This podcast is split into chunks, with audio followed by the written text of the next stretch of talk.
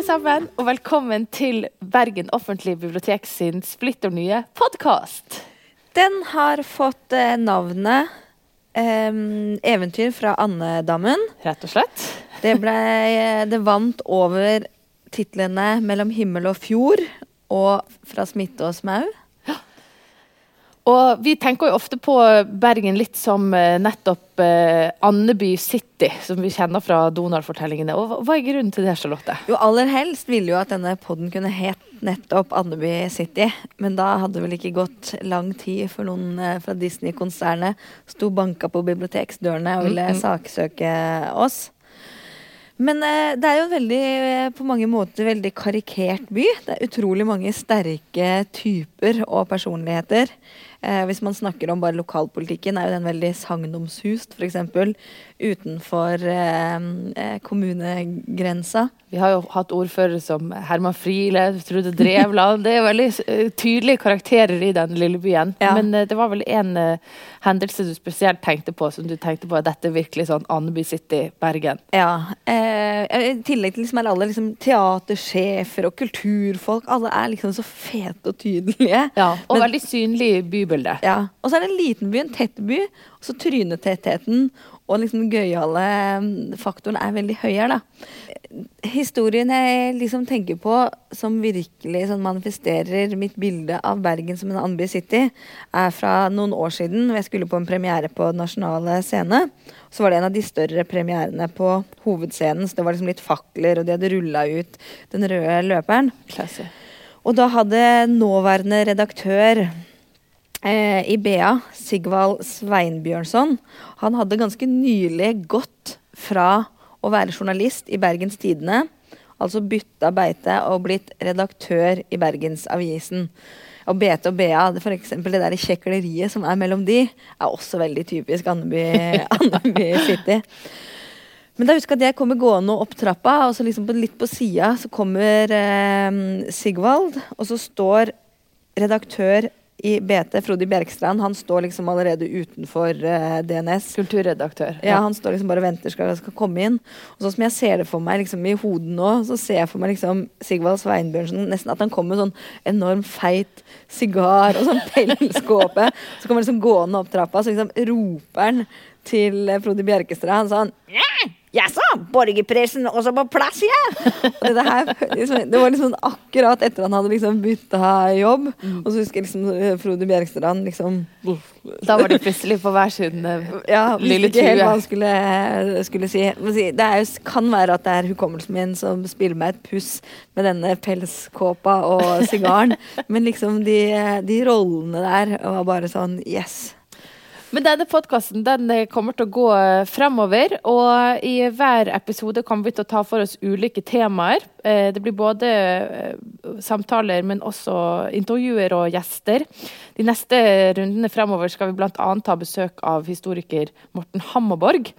Som eh, viser seg å ha en eh, veldig tett eh, en veldig god sånn, eh, følelse av hva som kommer til å skje i samfunnet fremover. Og virker nesten som han er en slags historisk spåmann, så han kommer vi til å møte seinere. Det er liksom en eh, kombipod hvor det er lokalhistorie og pestspesial. Ja.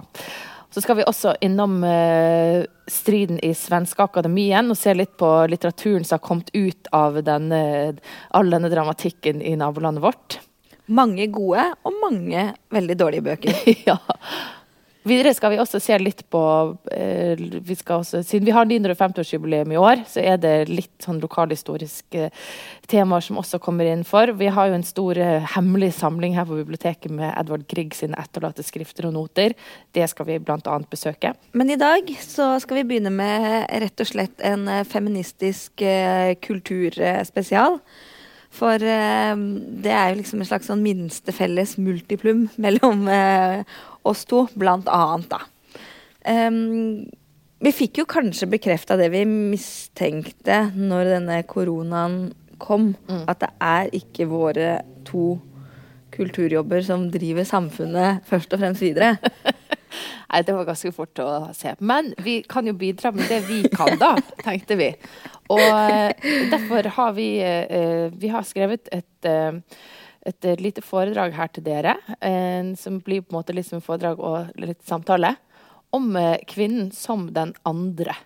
Eh, og både du og jeg har jo interessert oss lenge i feministiske spørsmål. Det er limet i vårt vennskap. Det er rett og slett grunnen til at vi møttes. Du var den første som utfordret meg på om jeg var feminist. Da gikk vel jeg i andre gym på videregående, og da spurte Charla rett og slett ja, er dere feminister, og jeg syntes det var litt å ta litt hardt i. Nei, vi var nok ikke feminister, men for likestilling var vi i hvert fall. Og eh, selv eh, da, i 2007, så var det jo liksom en sterk feministisk bevegelse, men ikke like tydelig som den er i dag, og i hvert fall ikke like kommersiell, kan man si da. Mm. Ja, for det har skjedd, eh, det har skjedd en sånn veldig mm, omveltning mm. av liksom bølger av feminister. Feminister. Feminister! Feminisme mm. er ordet jeg leter etter. Du kunne ikke kjøpe feminist-T-skjorte på Hans Maurits i 2007. Nei. Um, og selv om uh, liksom, ja, feminismen har gått i bølger, eh, fra liksom stemmerettskamper eller abortspørsmål på 70-tallet, og sånn som vi ser andre eh, kamper eh, nå um, vi har jo mange rettigheter som allerede er kjempet for oss, men samtidig så er jo vi av oppfatningen av at uh, det fortsatt trengs mer uh, feminisme og ikke uh, mindre. Mm. Og som du sa, så skulle vi jo snakke litt om kvinnen som det andre. Um, og det andre er jo um, et begrep som blei veldig populært etter Simone de Beauvoir. Du som, du som er, pan, du som er pan, vårt panels Per Buvik, var det riktig? Boa? Ja, Beauvoir. Et godt syn, sant? Ja. Mm. Hvordan vil du uttale, hvordan vil du uttale navnet eh, på eh, forfatteren av 'Pesten'? Eh, jeg trodde jo lenge det var Albert, Albert Camus, men jeg hørte jo at Per Buvik sa Albert Camus. Litt mer mu enn my. Så der har jeg gått rundt på HF og tøft meg med feil. Driti deg ut på HF. ja. Hennes bok annet kjønn' fra 1949 eh, det sies at den førte til eh, altså samlivsbrudd over hele Europa. Den boka het rett og slett annet kjønn'. Og Vatikanstaten, som for øvrig er nasjonaldag på min bursdag, 22. oktober, gratulerer til oss, satte den på listen over forbudte bøker, og der ble den stående veldig lenge. Den er jo kanskje regna som den eh, fremste feministiske klassikeren. Og hennes analyser om undertrykking og frigjøringsteori det har liksom både satt eh, stor betydning i akademia, men også utenfor eh, og aktivistisk. Da han kjønn påvirka etterkrigstidens frigjøringsbevegelser og har bidratt til kvinnebevegelsen framgang. Hun hevnet altså at kvinnen er den andre, eh, og at kvinnen liksom er et avvik i en verden der mannen er normen. Hun tar eh, oppgjør med kulturelle myter om hva en kvinne er, Eh, og at denne kjente uttalelsen at kvinne er ikke noe man blir født som, det er noe man blir til. Og at hun mente at uh, sosialiseringen til kvinnen gjorde at uh, av kvinnen ble forma til passivitet, avhengighet og ufrihet. Og feministisk frigjøring har jo mellom de siste 100 årene funnet sted mellom det private og det offentlige livet, det, mellom det individuelle og det kollektive.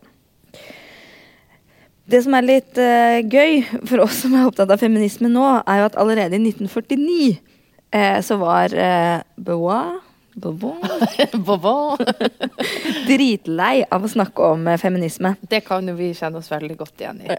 Og da skrev hun at jeg har lenge nølt med å skrive en bok om kvinnen. Emnet er irriterende, særlig for kvinnene. Det er ikke noe nytt. Striden om kvinnesaken har fått nok blekk til å renne, og nå er den nesten avsluttet.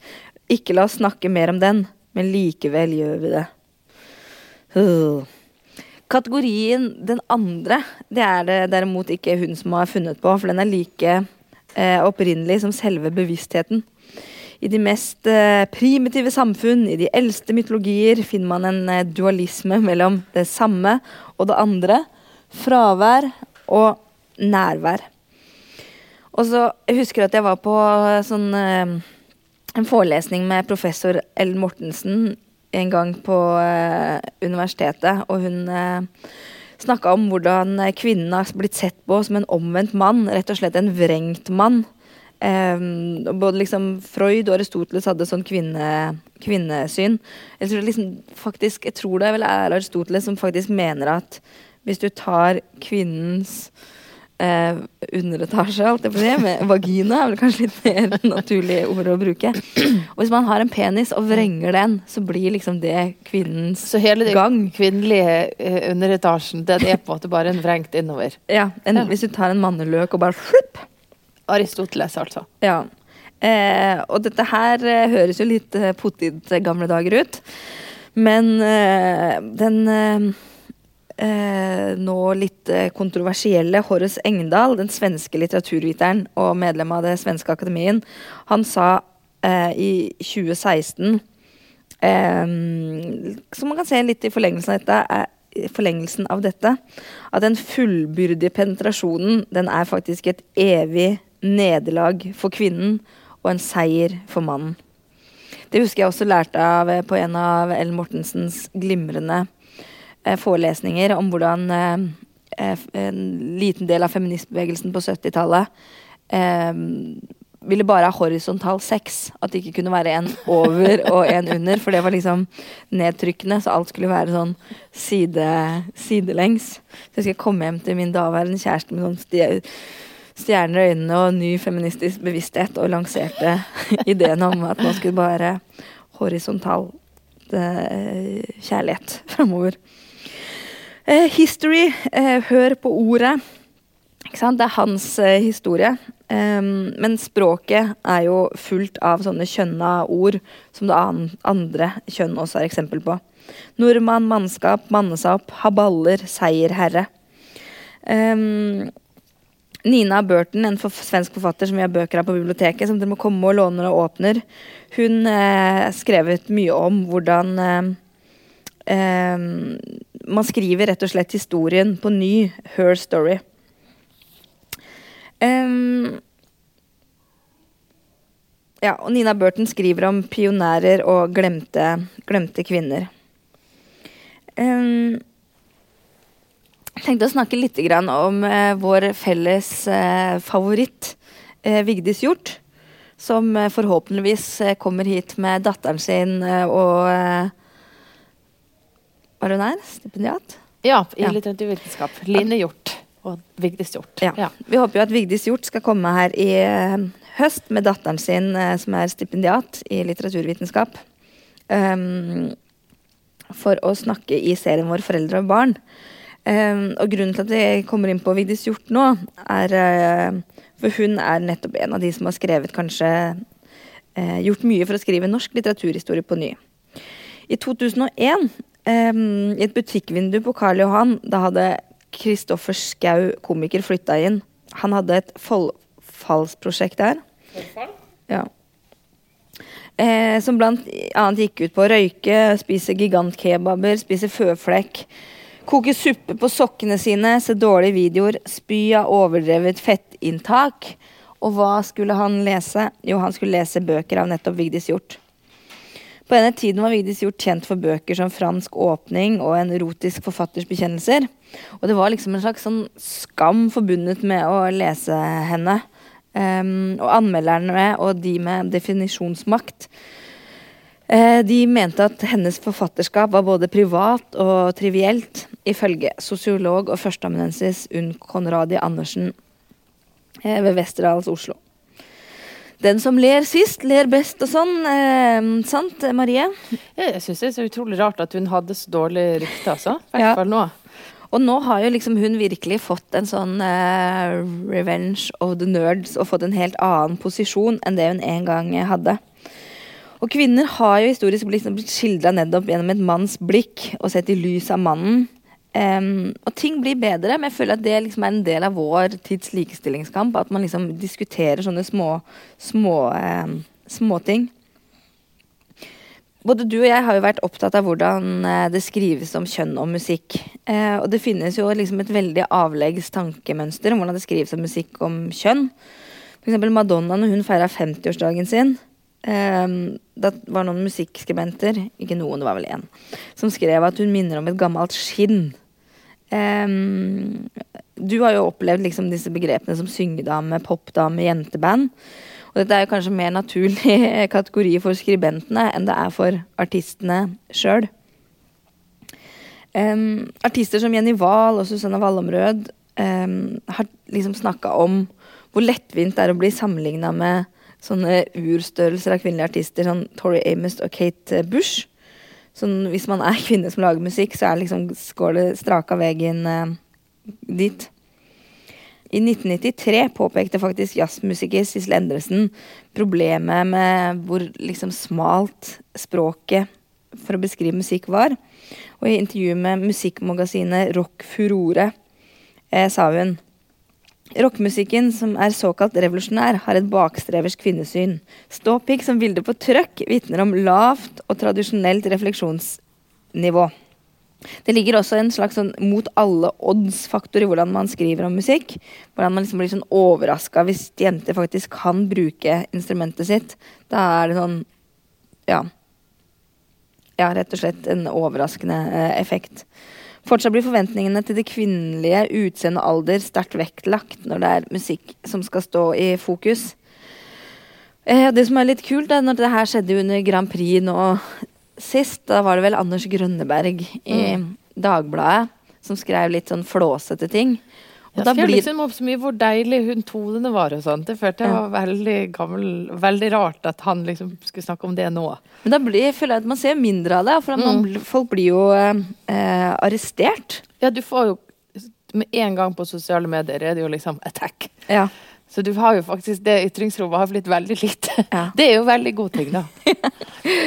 Um, her er en litt eh, eldre eh, sitat som jeg ofte vender tilbake til. Det er en musikkskribent som uh, beskriver Dolly de Luxe.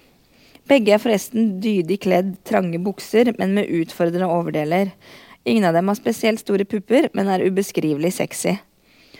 Og sånne her, hvis du liksom søker i musikkanmeldelse for 10 og 20 og 5 år siden, så dukker det liksom mye mer sånn her opp enn det gjør nå. Kulturmannen, det er vel også et slags lim mellom uh, i, vårt, uh, i vår medmenneskelige relasjon. Og det er jo ikke lenge siden vi hadde et uh, kulturmann-eksperiment. Nei, rett og slett. Eh, det var veldig morsomt. Vi var skal vi, skal vi, være litt sånn ordentlig og, og, ikke henge ut noen, da. Ja. Eh, vi, eh, vi, var på en uidentifisert litteraturfestival hvor vi begge var med i et panel. Eh, der var det også en mannlig uh, kulturpersonlighet. som var en del år eldre enn oss. Vi stilte da med våre 28 og 35. Um, og Vi skulle da være med i dette panelet, og vi skulle rett og slett teste om han kom til å hilse på oss før denne samtalen. Og Timen gikk, og det gjorde han rett og slett ikke. Så vi ventet faktisk til vi satt på scenen. Da satt vi der, og vi var bare oss tre i panelet. Um, en, nei, med års, uten årsstyrer så var vi bare fire på scenen. Uh, uansett uh, så ventet vi rett og slett da til vi satt på scenen, og først da var det vi som måtte hilse på han. For vi følte jo at det ble for dumt at vi ikke kunne ha hilst på hverandre før. Men klassisk eksempel på at uh, noen tar sin kanskje makt litt vel og det der er bare et lite eksempel, og det er vi som fremstår kanskje som barnslig og litt dust. Men det er jo faktisk, for å bruke frasen 'forskning viser', så er det jo sånn at ofte kvinner er de som tar ansvar for det sosiale. Kvinner tar ansvar for å drive samtalen videre og sånn. Um, så det her var jo vårt forsøk, forsøk på rett og slett å gjennomføre det uh, som kalles en uh, eh, frågostreik. Det er vel en svenske som gjorde det her først. Bare gikk, tok liksom eh, en stund og bare nekta å stille spørsmål til folk for å se om noen begynte heller å eh, stille spørsmål eh, til henne. Det er faktisk verdt å prøve nå, da. ja, det anbefales veldig. Dere damer der ute som ofte tar ansvar for at samtalen glir og at det er trivelig rundt dere, bare prøv å være helt, eh, være helt stille. Og bare svare på ting du blir spurt om. ja. Nå henger vi ikke ut folk, da, men vi kan, vi kan trekke fram noen gode eksempler på eh, kulturmenn som ikke er sånn, som har overraska oss veldig positivt. Atle Nilsen stiller utrolig mye spørsmål. Veldig gøy. Tormod Haugland. Veldig flink å interessere seg for sine omgivelser. Så det var ukas uh, High Se og. Hør-champagne til dere. Og lusekofte. Jeg syns det var veldig eh, bra at når Harald Eia faktisk var en av de som innrømte at dette kulturmannforholdet faktisk finnes, når han skrev den kronikken om at sannheten er at det menn gjør, interesserer oss mer enn det kvinner gjør. Ros fra damene er rubler, mennenes anerkjennelse er dollar. Jeg veit ikke hvor mye en rubel er, jeg, men jeg regner med at det er syns at mindre enn en rubel hører mer, mer eksklusivt ut enn dollars, men Ja. han om det. Eh, og det var jo ikke nytt for oss, men han fikk jo veldig mye oppmerksomhet Mm. eh, fra liksom andre menn som var litt sånn åh. Han sa vel det kanskje veldig mange ikke turte å si, da. Ja. Eh, mens alle har vært sånn Nei, det er det samme det om det er dame eller mann. ja. Jeg kom forresten på Det, var, eh, det er den eh, utmerkede feministen eh, Marta Breen som viser til svensken Åsa Beckmann som hadde det, som hadde det mm, som kalte frågestreik.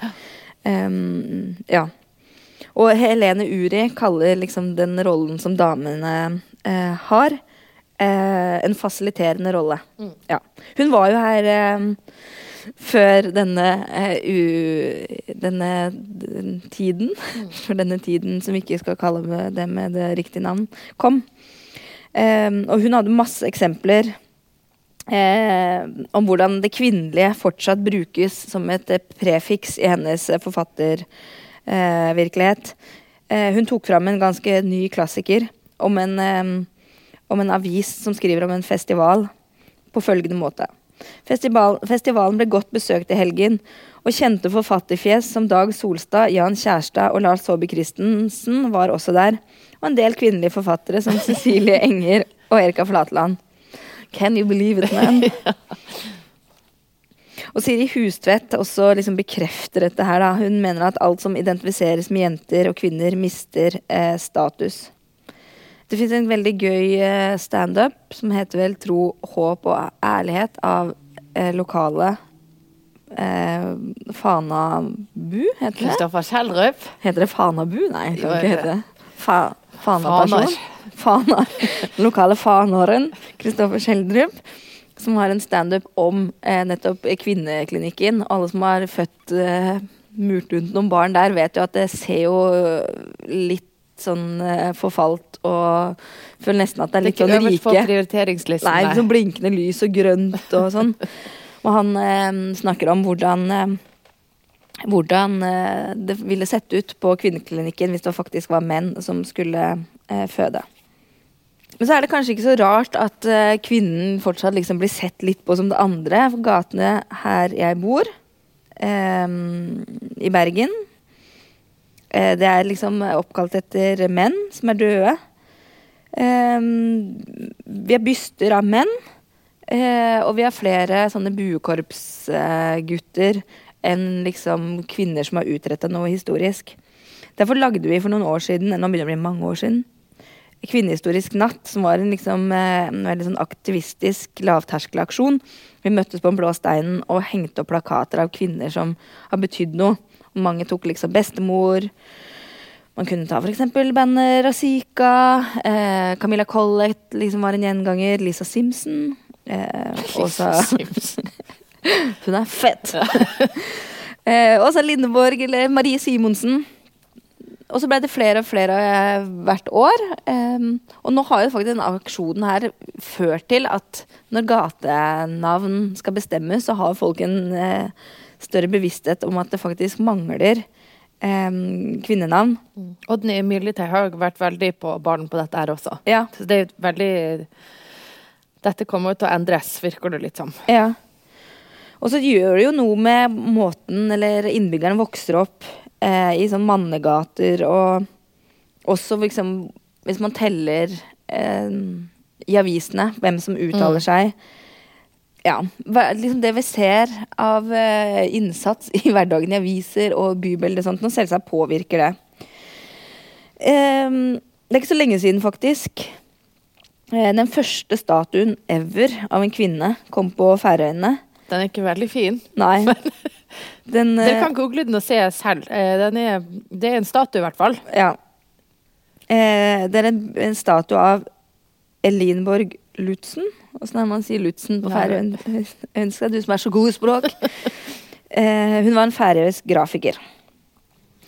Mange har et, liksom, eh, et problematisk forhold til ordet feminisme. Det har jo ikke vi, for at eh, siden alt annet har sånn mannlig prefiks, så er det veldig rart at vi skal være sånn Og jeg bare er femi, så handler det bare om damer. Og det gjør jo ikke feminisme. Feminisme har jo jobba for liksom fordeling av omsorg og arbeid i huset, og eh, selvsagt er feminisme også et veldig viktig frigjøringsprosjekt for menn. Eh, men eh, vår gode gamle homie Virginia Woolf hun var jo hele forfatterskapet opptatt av kvinners rettigheter. Men hun var også skeptisk eh, til ordet feminisme. Så du som er det der ute, du er ikke helt alene, selv om du har feil. Um, i, i, teksten 'Tre Guineas', eh, som ble i 2012 oversatt til norsk av Merete Alfsen, da skriver hun om eh, eh, krig, om det er en maskulin verdi, og syn på pasifisme. Og eh, da har hun følgende sitat om hvordan feminisme har en uheldig ordlyd. Hva passer bedre enn å avskaffe et gammelt ord, et forkastelig, et dårlig ord som har gjort stor skade i sin tid, og som nå er foreldet? Ordet det siktes til, er feminisme. Det betyr, ifølge ordboka, en som kjemper for kvinners rettigheter. Siden den eneste retningen, retten til å tjene sitt eget levebrød, er vunnet, har ikke ordet noen lenger betydning. Med to ord uten betydning er et dødt ord. Et dårlig ord. Ja, Hun mener altså at hvis man utsletter ordet feminist, så vil luften bli renset. Og hva ser vi i den klare luften? Menn og kvinner som arbeider for samme sak. Jeg syns nå faktisk at menn kan eh, jobbe for samme sak, selv om det er en feminin ordlyd mm. på, på, det. Men vi har jo også erfart at vi veldig ofte må presisere, insistere og forklare på pub mm. ti over to hva feminismen betyr. ja. Nei, det betyr ikke å hate menn. Eh, nei, det betyr ikke at vi vil kvotere inn elendige band på festivaler. Altså, vi kan jo være, vi kan være enige at hun har et eh, visst eh, poeng, men at vi liksom heller står i den eh, overbevisende og forklarende kampen. Mm. Som vanlig sier Helene Uri det enda smartere. Vi sleper rundt på patriarkatet i form av ord forkledd som nøytrale, og i form av organisering av språkstoff forkledd som tilfeldig. Men nordmann er ikke nøytral, og det faktum at vi sier herr og fru Jensen og ikke fru og herr Jensen, er ikke tilfeldig. Ordene og uttrykkene vi bruker daglig, har dype spor etter årtusener med kjønnsubalanse. Språket fungerer som en fryseboks, der tidlige tiders syn på kjønn blir konservert og holder seg lenge etter best før dato. Sakte går verden framover, Eh, for litt syntes veldig mange at det var helt sånn total PK-døden at man skulle bruke ordet 'hen'. Men som flere og flere har skjønt, at det er et tidsbesparende og praktisk eh, ord. 'Hen' det er altså et ord man bruker istedenfor å måtte skrive 'han' eller 'hun' i tekster.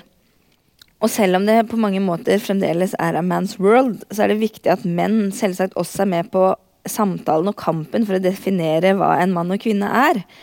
Um, ikke for å låse disse størrelsene inn i ferdig uttenkte kategorier, men for å sørge for at alle sider ved mennesket blir huska på. Um, og det er sånn vi syns jo at feminismen er fet, som et uh, grunnleggende frigjøringsprosjekt for både menn og kvinner. Uh, og at kjønn ikke skal være en hindring når det gjelder grunnleggende livsvilkår. Men det er jo dessverre ikke slik at alle er feminister bare man slutter å frykte selve ordet. Det fins fremdeles menn som tjener på at damer tjener lite. Og det skjer ikke at folk gir fra seg makt og penger eh, for å utjevne forskjeller frivillig. Det er derfor vi har eh, hatt mange, mange, mange års likestillingskamp. Og selv om jeg tror, eller er veldig helt overbevist om at både kvinner og menn har mye å tjene på en bedre fordeling av makt, finner fortsatt folk som tjener godt på at det er ubalanse i denne såkalte kjønnsmaktordningen. Feminister vil jo fordele ansvar og makt, slik at samfunnet blir likere. Slik at det kommer flere folk til gode. Både innenfor det sosiale, økonomiske og liksom litt det kulturelle, da, som vi har vært innom nå. Dessuten åpner feministisk tankegods opp for flere måter å være menneske på, og gi en større personlig frihet. Sett i lys av den suksesshistorien det norske likestillingsprosjektet faktisk er, så er jo det egentlig helt uh, åpenbart at dette lønner seg både samfunnsøkonomisk og familieøkonomisk. Å bruke feminisme som verktøy kan være veldig nyttig for menn som ikke bare ønsker å være familieforsørger, steike biffen eller være han kisen som skifter dekkene på bilen, men har like rettigheter, ansvar overfor barna, kjærligheten arbeidet, huset og maten. Ja. Eh, og eh, vi skal litt over til eh, litteraturen og se litt på hvordan eh, kvinner har blitt framstilt av menn opp gjennom historien. Jeg tenkte vi kunne gå gjennom liksom et par i hvert fall norske forfattere da, eh, og se litt på hvordan kvinner rett og slett blir presentert i disse romanene. Og, eh, jeg tenkte å begynne med Agnar Mykle og Jens Bjørneboe. Hva slags forhold har du hatt til de, Charlotte? Jeg leste de på sånn sein ungdomsskole og tidlig videregående og var veldig sånn De er fete, Ja, ass! akkurat samme opplevelse Jeg skrev her. Ja. uten en tråd skrev jeg faktisk sånn eh, særoppgave Ja. Eller var en av eh, Jeg skrev også særoppgave om Agna Mykle. Er det sant? ja.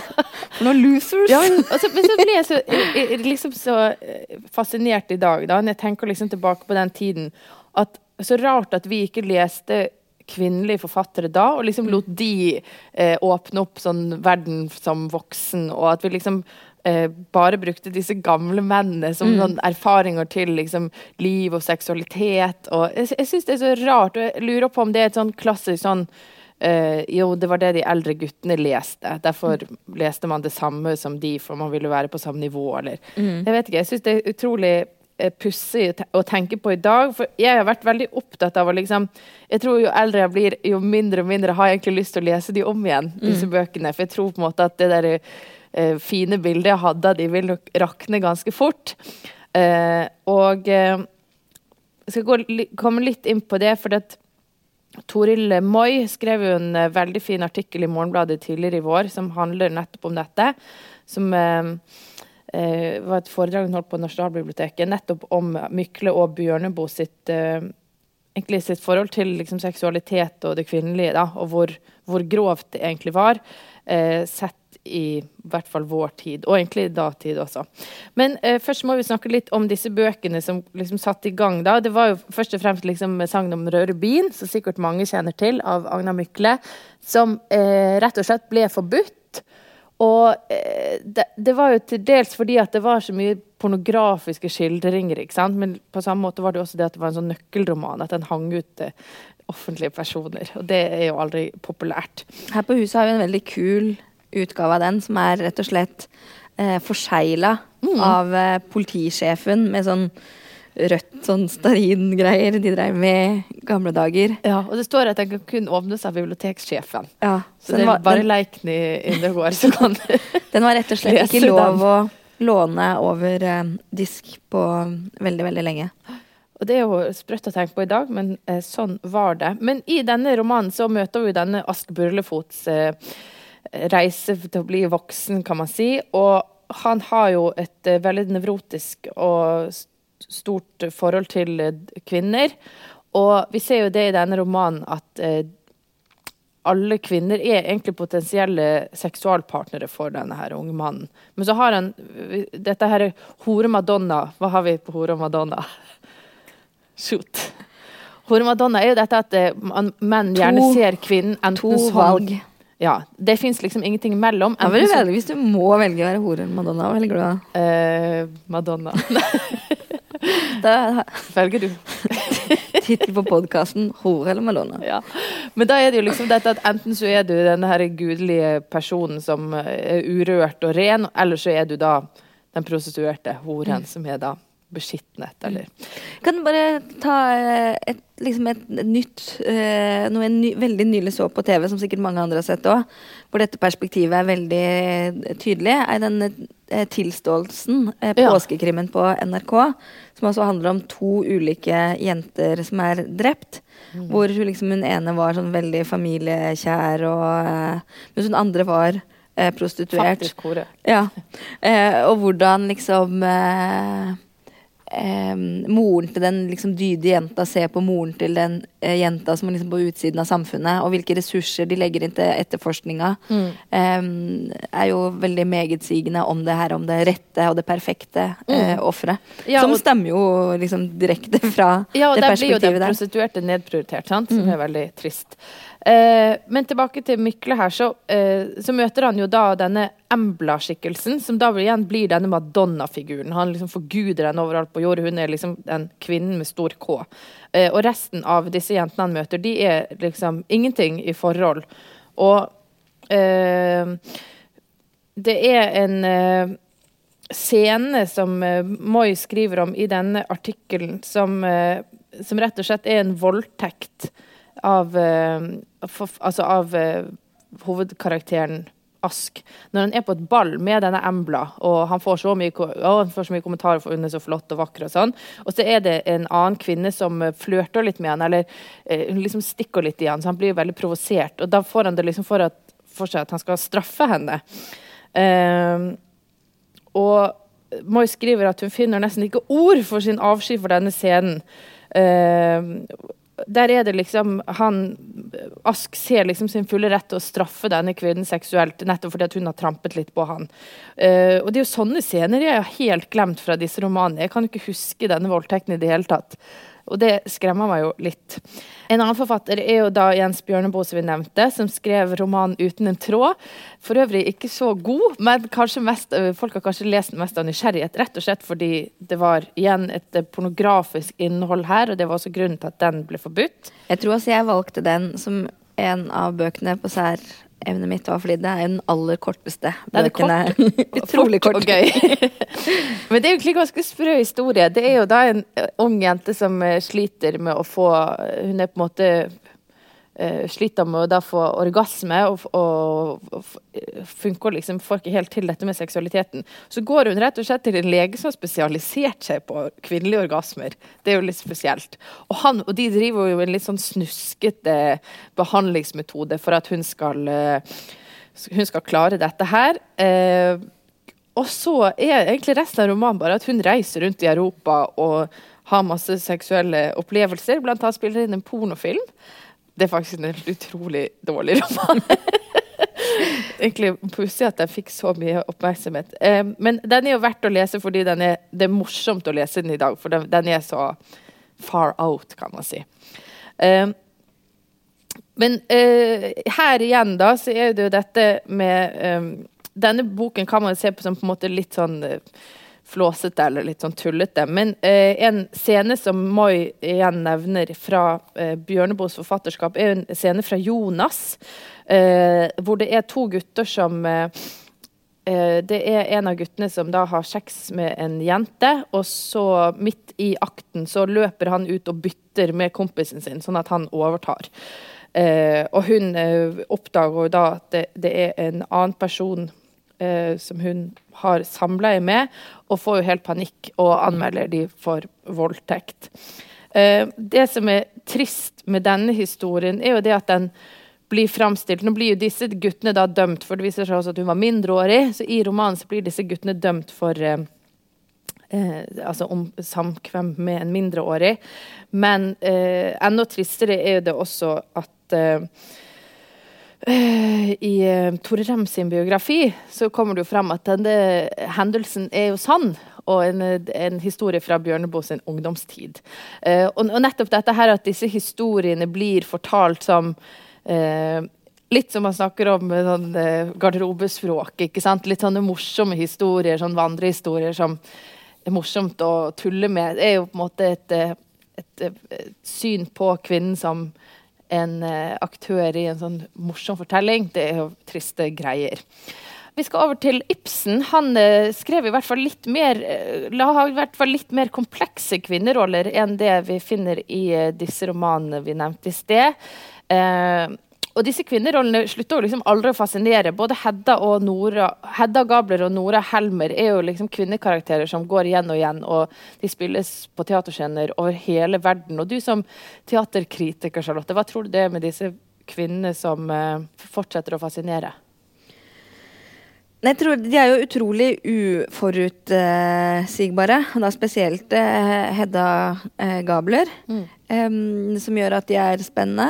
Um, så er det litt det der med Nora, som jo forlater barn. Mm. Tror jeg mange syns er veldig veldig sterkt.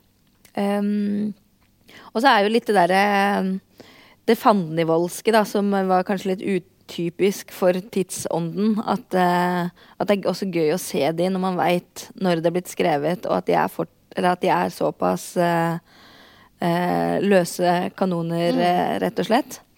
Og det er jo fascinerende å tenke på tilbake på dette tidspunktet, når disse stykkene er skrevet på slutten da, av eh, 1800-tallet, så var jo rett og slett eh, kvinnene De var jo egentlig sånn økonomisk umyndige. Mm. Eh, så eh, sammen med en mann, da, så selv om du var gift og alt dette her, eh, så var det menn som hadde full råderett over økonomien din, selv om du kom inn med liksom mer penger eller alt mulig.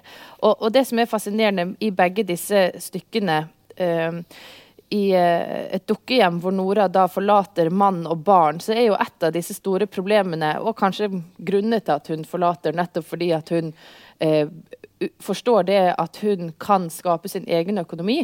Mm. Eh, og det viser jo liksom hva en egen økonomi kan gjøre for en egen frihet. ikke sant? At hun, når hun, hun har tatt opp dette store lånet um, for at de skal kunne reise til Italia, sånn at mannen hennes kan bli frisk. Uh, hun har gjort det i skjul under farens navn, uh, og må da tjene inn disse pengene selv for å ikke da lyse skam over sin familie. Og når hun liksom da får denne muligheten til å tjene penger og forstår at hun liksom skal, kan skape sitt eget, så så, så, må jo det i hvert fall sette i gang Man kan ikke si var, Ingen vet hvorfor Nora gikk, men um, det må i hvert fall ha satt i gang noen prosesser. ikke sant? Mm. At mm. uh, det kan faktisk finnes et liv utenom her. Og, I Tyskland så ble de jo så uh, rasende over Ibsens uh, vågale slutt. Så han måtte skrive en egen uh, alternativ slutt, hvor hun liksom blei Og da var liksom Å, jeg blir for dere barn. Ja, ja jeg tilgir deg. Takk for at du var så kul at du tok opp lånet og tjente penger. Men dette går bra, og da blir hun, og alt er i orden. Um, i Hedda Gabler er det jo liksom også økonomien et uh, relevant tema. Nettopp det at hun uh, Faren hennes dør uten en formue. Denne general Gabler, hennes far. Eh, som gjør at hun da står ganske dårlig stilt etter hans død.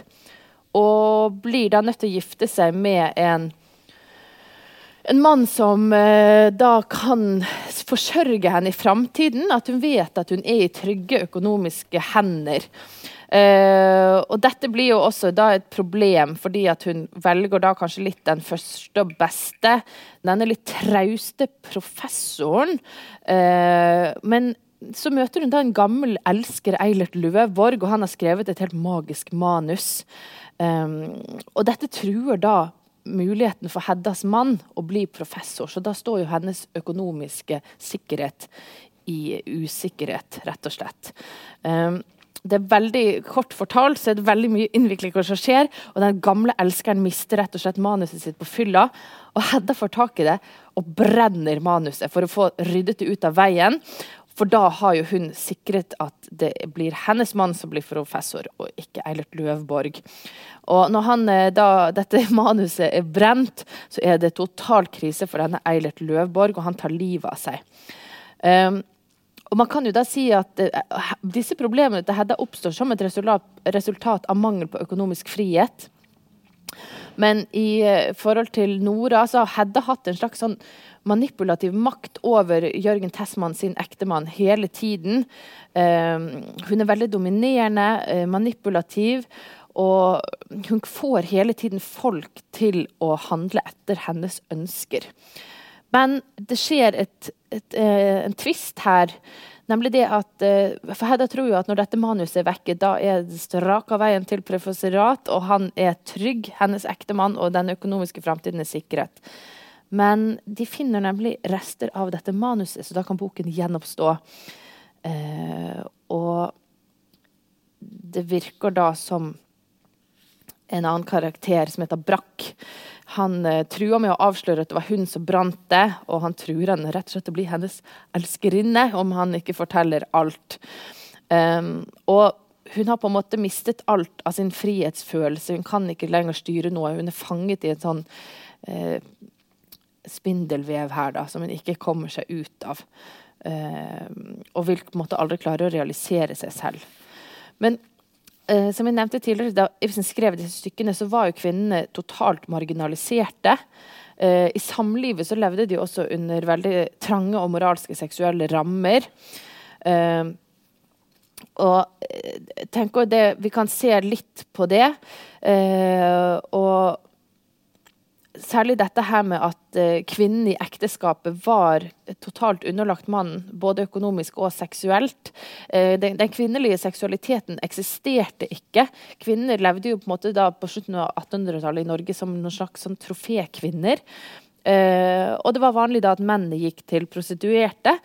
Mens seksuelt samkvem det hadde man da kun som reproduktiv aktivitet. Uh, og det ble rett og slett sett på som sunt for menn å ha uh, et uh, sunt seksualliv, men ikke da med sin kone. Seksualiteten var på en måte sett på som noe skittent, noe for fattigfolk og arbeiderklassen, og ikke noe som man drev med.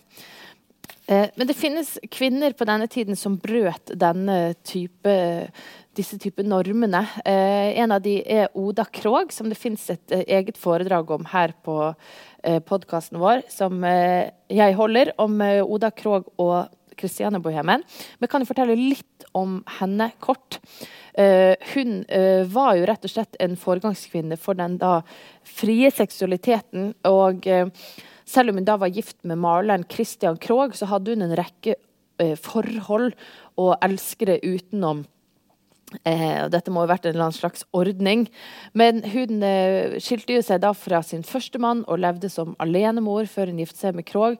Og, og, står nå først og fremst igjen da som en, en representant for en som eh, ja, utfordret litt disse kvinnenormene.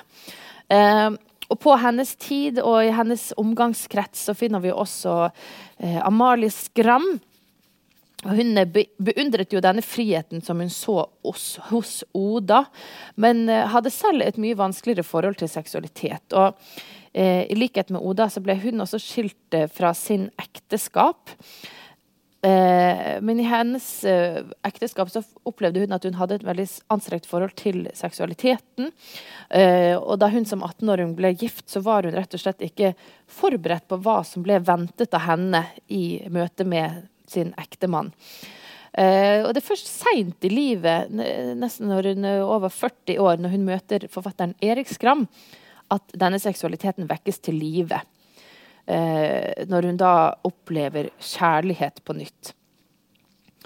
Og det som skjer med Amalie Skram, er jo at hun plutselig opplever dette her at hun som har kun vært gift én gang før, hun har aldri hatt noen uh, kjærester eller noe sånn i dette tidsrommet mellom den første skilsmissen og dette møtet med Erik. Hun har levd veldig kyskt. Eh, opplever da at denne Erik, som hun har blitt så vanvittig forelsket i, rett og slett har bagasjen full av kvinnehistorier. Og det er liksom ikke lite heller. Det er affærer, og det er forlovelser, og det er muligvis et barn i det bildet. Og hun kan da ikke forstå hvordan to mennesker kan elske hverandre på så ulikt grunnlag. Eh, og hun blir da helt vill av sjalusi. Uh, hun kan rett og slett ikke gå med på å, å, å, leve i et samliv med en som har hatt en så forferdelig fortid, som hun da syns. Uh, men han klarer jo da å overtale henne om at de kan elske hverandre rene, og hun kan elske han ren. Uh, og de, hun gir seg på en måte hen til dette forholdet. Eh, men hele forholdet blir da preget av en tung sjalusi eh, som eh, til dels virker ganske berettiget, hvis man leser denne brevsamlingen mellom de som heter 'Elskede Amalie'. Der kommer det en del pikante avsløringer om dette forholdet mellom de to. Uh, vi ser jo også at akkurat dette temaet her er igjen et uh, gjennomgående i hennes uh, romaner. Disse ekteskapsromanene som vi kanskje kjenner til, det er jo 'Lucy og Konstanse Ring', 'Forrådt' og 'Fru Ines'. Og alle disse her er jo fortellinger da om den kvinnelige seksualiteten. som Amalie selv opplevde, Eh, at hun visste så lite om hva som skulle skje når hun gikk inn i dette ekteskapet. Og dette er en problem hos disse unge kvinnene som da blir gift i, i tidlig alder til dette fornuftsekteskapet. Um, uh, I Forrådt for eksempel, så møter vi den 18 år gamle Orri som gifter seg med en reder. Og når hun da kommer til denne ekteskapsnatten, så så stiller hun seg liksom spørsmålet hvorfor har ikke mamma fortalt meg om dette her. Um, og hun får eh, opplever samme da som Amalie. Når hun får vite om denne fortiden, så blir hun sjalusi Nei, så blir, så blir, hun sjalu og gal av å vemmes over denne forferdelige, ekle fortiden hans. Uh, her har jo historien en litt mer dramatisk utgang. Uh, for de som ikke har lest romanen, så skal ikke jeg si det, men det, det er virkelig en intens og sykelig sjalusi vi har med å gjøre her. Eh, i den andre romanen, 'Lucy', så viser Skram hvordan kvinner blir straffet for tidligere erfaringer. Um, de som har hatt elskere, eller ja, forhold før sine ekte menn, er med en gang skitne kvinner. Og mennene skammer seg rett og slett over å ha en sånn tilsmusset kone. Og det kan jo da være grunn til å rett og slett ikke velge henne som kone. Uh, og selv om de kanskje da hadde ligget med hundrevis av kvinner, så var da en liten romanse hos kvinnen nok til å skamme seg over henne for resten av livet. Som da viser en utrolig urettferdighet. Um, men det Amalie Skram gjør i disse romanene, er jo det at hun viser at den kvinnelige seksualiteten, den fins i hvert fall. Eh, og ja, selvsagt er disse kvinnene fulle av begjær og lyster, og på akkurat samme måte som mennene. Problemet er jo da at samfunnet sørger for at de ikke kan leves ut. Men eh, hvis vi da spoler 100 år fram i tid, eh, forholdet da mellom eh, seksualitet og kjønn i dag, hvordan står det egentlig til? Eh, hos Amalie Skram så ser vi jo da at måten man skriver om seksualitet på, er veldig eh, Den er veldig lukket. og det, det, skjules godt, da, og alt er pakket godt inn. At man snakker om kvinnelige orgasmer som henrykkelsens mysterium og sånne ting. Eh, vi ser også det at eh, sex og seksualitet er direkte knyttet skam, og fører rett og slett både til død og fordervelse. Um, og Vigdis Hjorth, eh, som vi nevnte tidligere, er jo en forfatter som har skrevet mye om kvinnelig seksualitet. Og Irene Engelstad, som er en veldig eh, interessant og fin eh, forsker som skriver mye om eh, Dessverre å måtte si det kvinnelige forfattere. eh, men har forsket veldig mye på det kvinnelige. Og, og, kan du ikke begynne å si vrengte menn? Forsker på. For de vrengte. eh, men du har en fin artikkel hvor hun da sammenligner disse to, og sammenligner nettopp skammen eh, hos disse to forfatterne. Og Sammenlignet med Skram så ser vi at kvinnene hos Vigdis Hjorth de er ikke i tvil over sin seksuelle rolle eller sine seksuelle evner. De vet at de er seksuelle vesener, på samme måte som mennene er det, og, og, føler seg som det i Amalie Skram sine tekster. Og vi ser det at i, hos Hjort så er både menn og kvinner seksuelle, og seksualiteten er en selvfølgelighet, naturlighet, og den er ja, ikke til dels, men kan være uproblematisk. Um, og hun beskriver jo da uh, dette her med å være uh, kåt og seksuell på en eh, frigjort måte. Og ikke redd for å kalle en spade for en spade. og si hva Å kalle et kjønnsorgan med navn og kan snakke om orgasmer. Ja, vi tør ikke det. eh, men i sammenlignet med Skram så, så, er det jo da en mye større åpenhet. Men der hvor vi ser at eh, hos Skram så er skammen direkte knyttet til seksualiteten, så ser vi at skammen i dag, og da hos Hjort, mye større grad handler om denne manglende anerkjennelsen da, fra en partner. Eller det som vi gjerne ser i dag, at uh, det som gir oss skam i seksualiteten i dag, er nettopp det å bli avvist.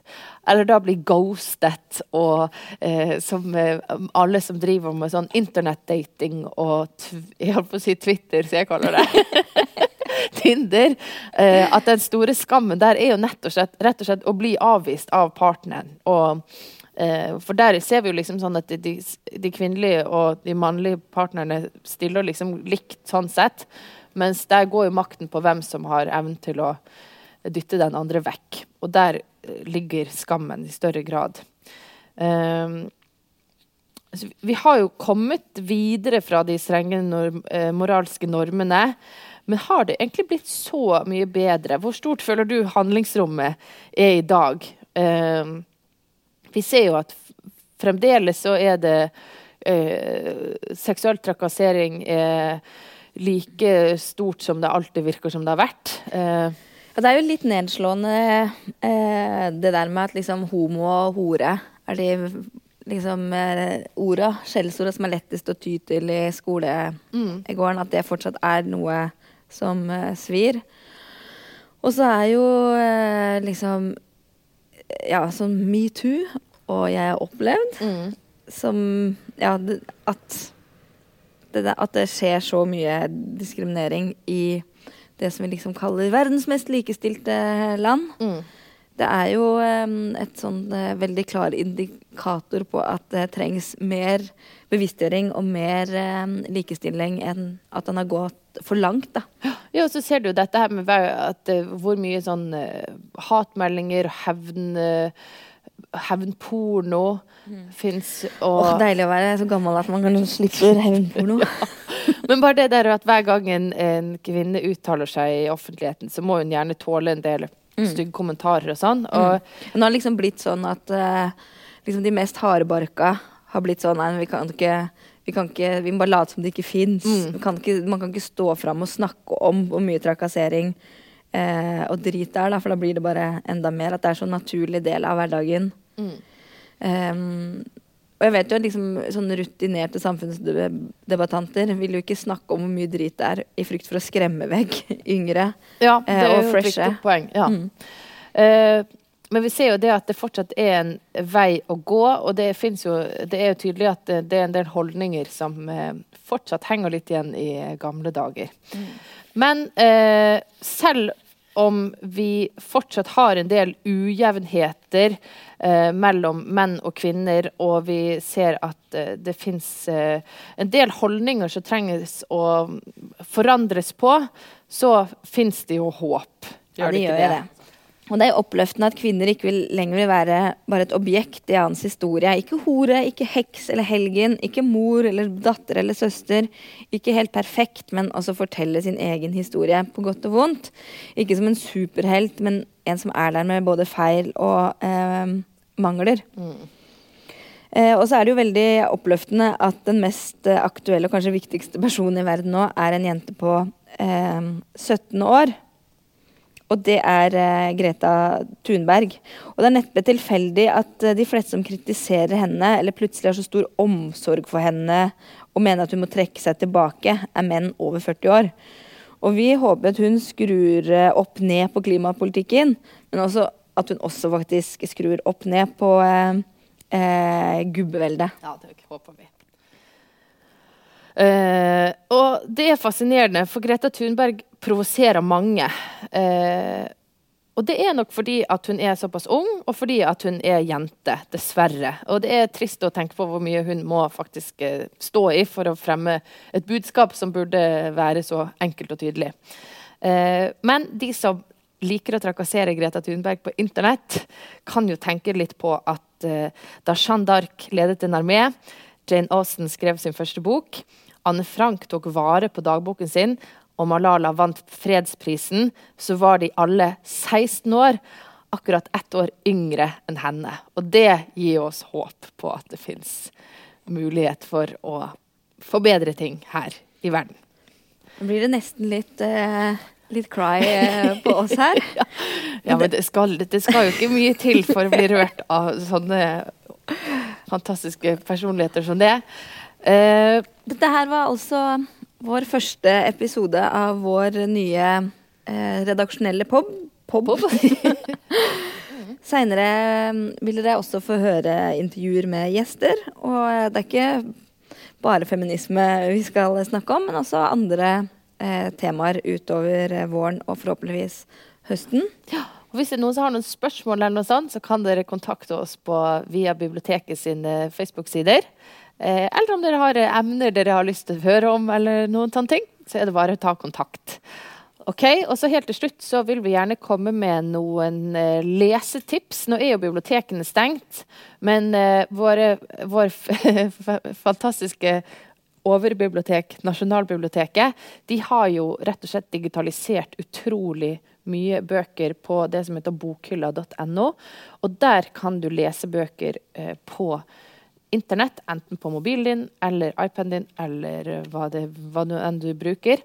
Eh, men der fins f.eks. alle disse bøkene til Amalie Skram, Lucy, Konstanse Ring, Forrådt og eh, Vi finner også bøkene om Kristiania-bohemen, så jeg var litt innom der. Eh, den som heter Kristiania-bohemen av Halvor Fossli er veldig verdt å se på. Uh, Charla, du hadde også noen tips? Ja. Um, på vår um, um, På bibliotekenes uh, app e-bokbib kan du også laste ned bøker og lese på uh, skjerm.